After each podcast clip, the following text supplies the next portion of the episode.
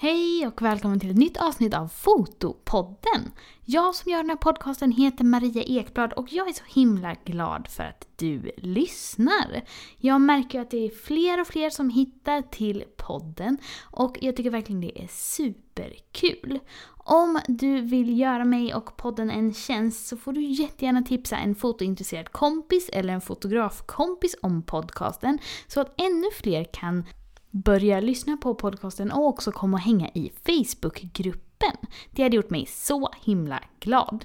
Någonting annat som jag också älskar det är ju när ni delar med er av vad ni gör när ni lyssnar på Instagram stories. Så ni får jättegärna lägga upp och visa vad ni har för er och tagga fotopodden för det är verkligen superkul när ni gör det. Men nog om detta och nu ska vi djupdyka in i avsnittet där vi ska prata om the power of video. Eller med andra ord, hur kraftfullt video kan vara som verktyg och varför jag tycker du också ska börja använda det.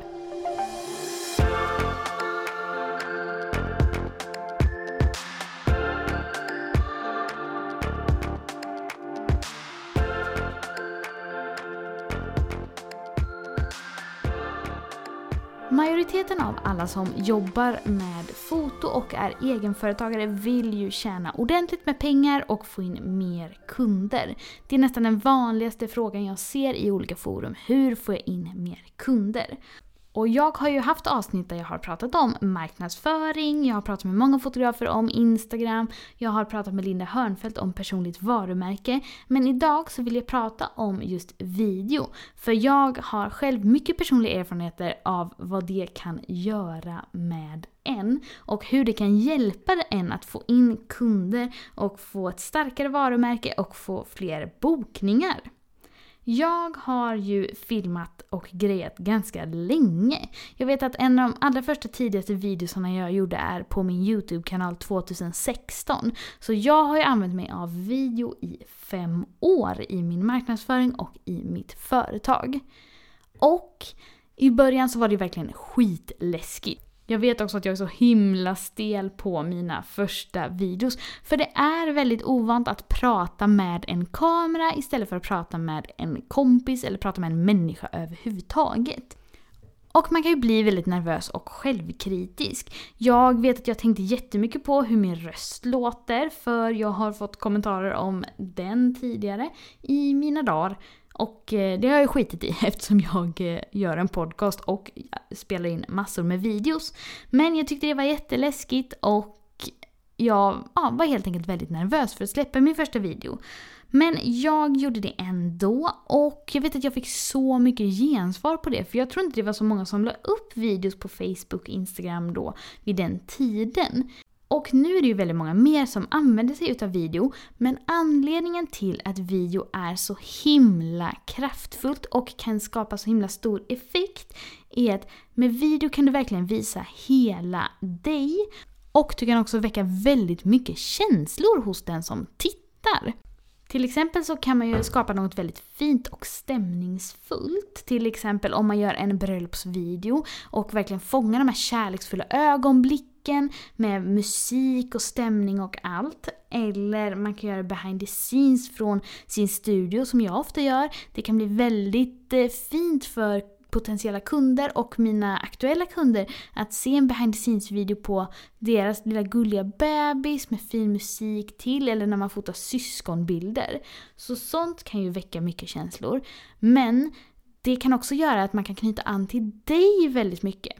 För när man använder sig av video, då får man ju se hela dig. Man får höra din röst, man kan se mycket mer än helhet, man ser hur du rör dig, man ser hur du ser ut och man kan också visa väldigt mycket mer i en film än vad man kan i skrift. Och jag vet inte om du är en serienörd så som jag är, men jag kollar ju på väldigt mycket serier när jag har tid. Och Ibland kan jag faktiskt titta vidare på en serie även fast den inte ens är så bra. Och det är helt enkelt för att jag har knutit an till karaktärerna så mycket och vill se mer och mer vad som händer med dem. Och det blir ju så när man tittar på någon väldigt mycket då blir det ju som att man umgås med den personen och då vill man ju göra det igen och mer och mer. Och då tänker jag att steget till att boka någon, det blir ju mycket, mycket kortare smartare än om du ska göra något som du inte gör så ofta, det vill säga gå till en fotograf. Och då gå till någon helt okänd, väldigt anonym. Eller som en av mina kunder sa, de tittar på mig på YouTube så när de sen fick en bebis då kändes det helt naturligt för dem att bara men det är Maria vi ska gå till. För man vill ju väcka känslor hos folk. Förutom att man vill skapa ett köpbegär så vill man också väcka en känsla av att det här är en person man tycker om och litar på och tror kommer göra ett grymt jobb.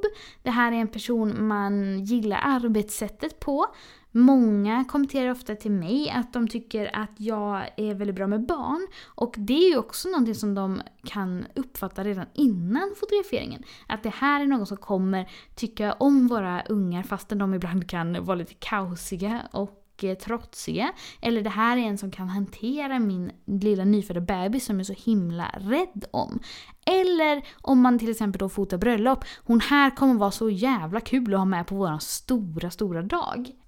Och sen som jag sa också, förutom att du kan väcka känslor hos folk så kan du ju visa väldigt mycket som du inte kan göra i skrift. Och bilder i all ära, det har sin plats det med. Men med video så kan du ju väldigt lätt visa hur det ser ut i din studio. Vilka fotoplatser du brukar fota ofta på. Du kan ta med folk behind the scenes på fotograferingar. Du kan berätta om dina tjänster och vad du erbjuder. Och du kan också visa mycket om dig och vem du är. Sen ska man också vara medveten om att video är ju verkligen en uppåtgående trend i hur människor konsumerar saker på internet och på sociala medier. Det finns fortfarande de som uppskattar texter och bloggar och jag är verkligen en av dem. Men det finns ju rapporter, till exempel Svenskan och internet, som visar att just videoplattformar och videoformat ökar mer och mer varje år. Till exempel är Youtube en uppåtgående trend i Sverige. Så förutom att det är ett superbra verktyg så är också det mer och mer det som kommer vara i framtiden. Så om man vill bli duktig på det till när det verkligen exploderar, vilket det ju håller på att göra, då kan det vara bra att börja öva redan nu. För det tar ibland ett tag att känna sig bekväm med att göra något sånt. Och att det är trendigt, det kan man också se på alla sociala medier. Det är bara att kolla på. Video får ofta stor spridning på Facebook. Instagram har ju lanserat så många olika sätt att publicera olika sorters videos på. TikTok är ju en jättestor trend och YouTube går ju upp uppåt. Så det finns ju många olika ställen att placera sina videos på. Och jag vet också att de som har videos på hemsidan, det kan också vara väldigt positivt. För att samma där, kunderna kan snabbt få en uppfattning och en känsla av hur det är hos just dig som fotograf. Och sen du får ju ta det här som ett litet hemligt tips från mig. Men det är ju faktiskt så att det är ju inte jättemånga som är bekväma med att göra det här än. Jag eh, känner ju till en del som gör YouTube och det kan ju vara att det inte är så många som gör det för att det är jättemycket jobb med det. Men titta bara på hur många fotografer det finns och titta på hur många som vågar visa sig själv och lägga upp bilder och videos på sig själv och inte bara fina kundbilder. Det är ju faktiskt väldigt många som bara håller sig till ett snyggt Instagramflöde och inte jobbar jättemycket med de här verktygen. Så på ett sätt är det ju faktiskt väldigt lätt att sticka ut med detta eftersom det fortfarande är ganska få som gör det egentligen. Och det är ju precis det som vi vill göra. Man vill ju sticka ut från sina konkurrenter och man vill ju nå ut till kunder. Och det här är ju ett superbra verktyg för det. Om du ska börja göra videos, oavsett var du vill lägga dem, så vill jag skicka med lite tips här i slutet på hur du kan bli bättre på detta och hur du kan bli mer bekväm framför kameran. Och jag tänker att jag kommer göra ännu fler poddavsnitt om detta och jag hoppas i framtiden kunna ha med mer gäster som också jobbar mer med video. Men för det första så får man nog bara inse i början att det är lite obekvämt och konstigt att prata med sin mobil eller prata med sin kamera. Man får nog bara inse att så här, ens röst låter inte exakt som ni gör i huvudet. Man kan känna sig löjlig. Men det är faktiskt bara att göra det. För ju mer du gör det, desto mer kommer du KBT dig själv till att bli bekväm med dig själv. Det blir liksom så att man helt enkelt bara accepterar att ja, men det är så här jag låter och det är så här jag ser ut. Och alla ser ju det i verkligheten ändå, så det spelar ju faktiskt ingen roll. Det är ju bara att visa det på video också egentligen. Och du vill ju visa dig hur du är. Sedan så får man väl göra en del omtag. Jag kan fortfarande göra det när jag spelar in mina videos oavsett vart de ska hamna som sagt. Ibland stakar man sig, ibland säger man inte det man vill få fram, ibland så händer det något annat. Så det kan vara så att man får göra om då och då, men det är absolut inget fel med det. Sen med video, då är det ju samma där som med foto, att ljus är så otroligt viktigt. Så passa på och filma när det är bra ljus. Oavsett om du är inomhus, då kan du använda dig av fönsterljus eller om du har någon lampa eller så som du kan tända. Men annars kan det vara bra att filma när det är bra ljus ute. Och att man tänker samma där på ljusets riktning. Var är det snyggt med skuggor? Var är det snyggt med ljus? Och hur vill jag placera mig? Sen en sak som kan vara lite oväntad men som är extremt viktigt när det kommer till video, det är faktiskt att man har så bra ljud som möjligt. Jag använder ju alltid mikrofon på min kamera, men Oavsett om du spelar in med en kamera eller med en mobil så kan det ju vara bra att försöka placera sig där det inte är så mycket buller, där det inte är så mycket andra människor som pratar utan det är ganska tyst och så runt omkring dig. För det är en väldigt etablerad grej att man kan kolla på en videokvalitet som är lite sämre om ljudet är hyfsat bra.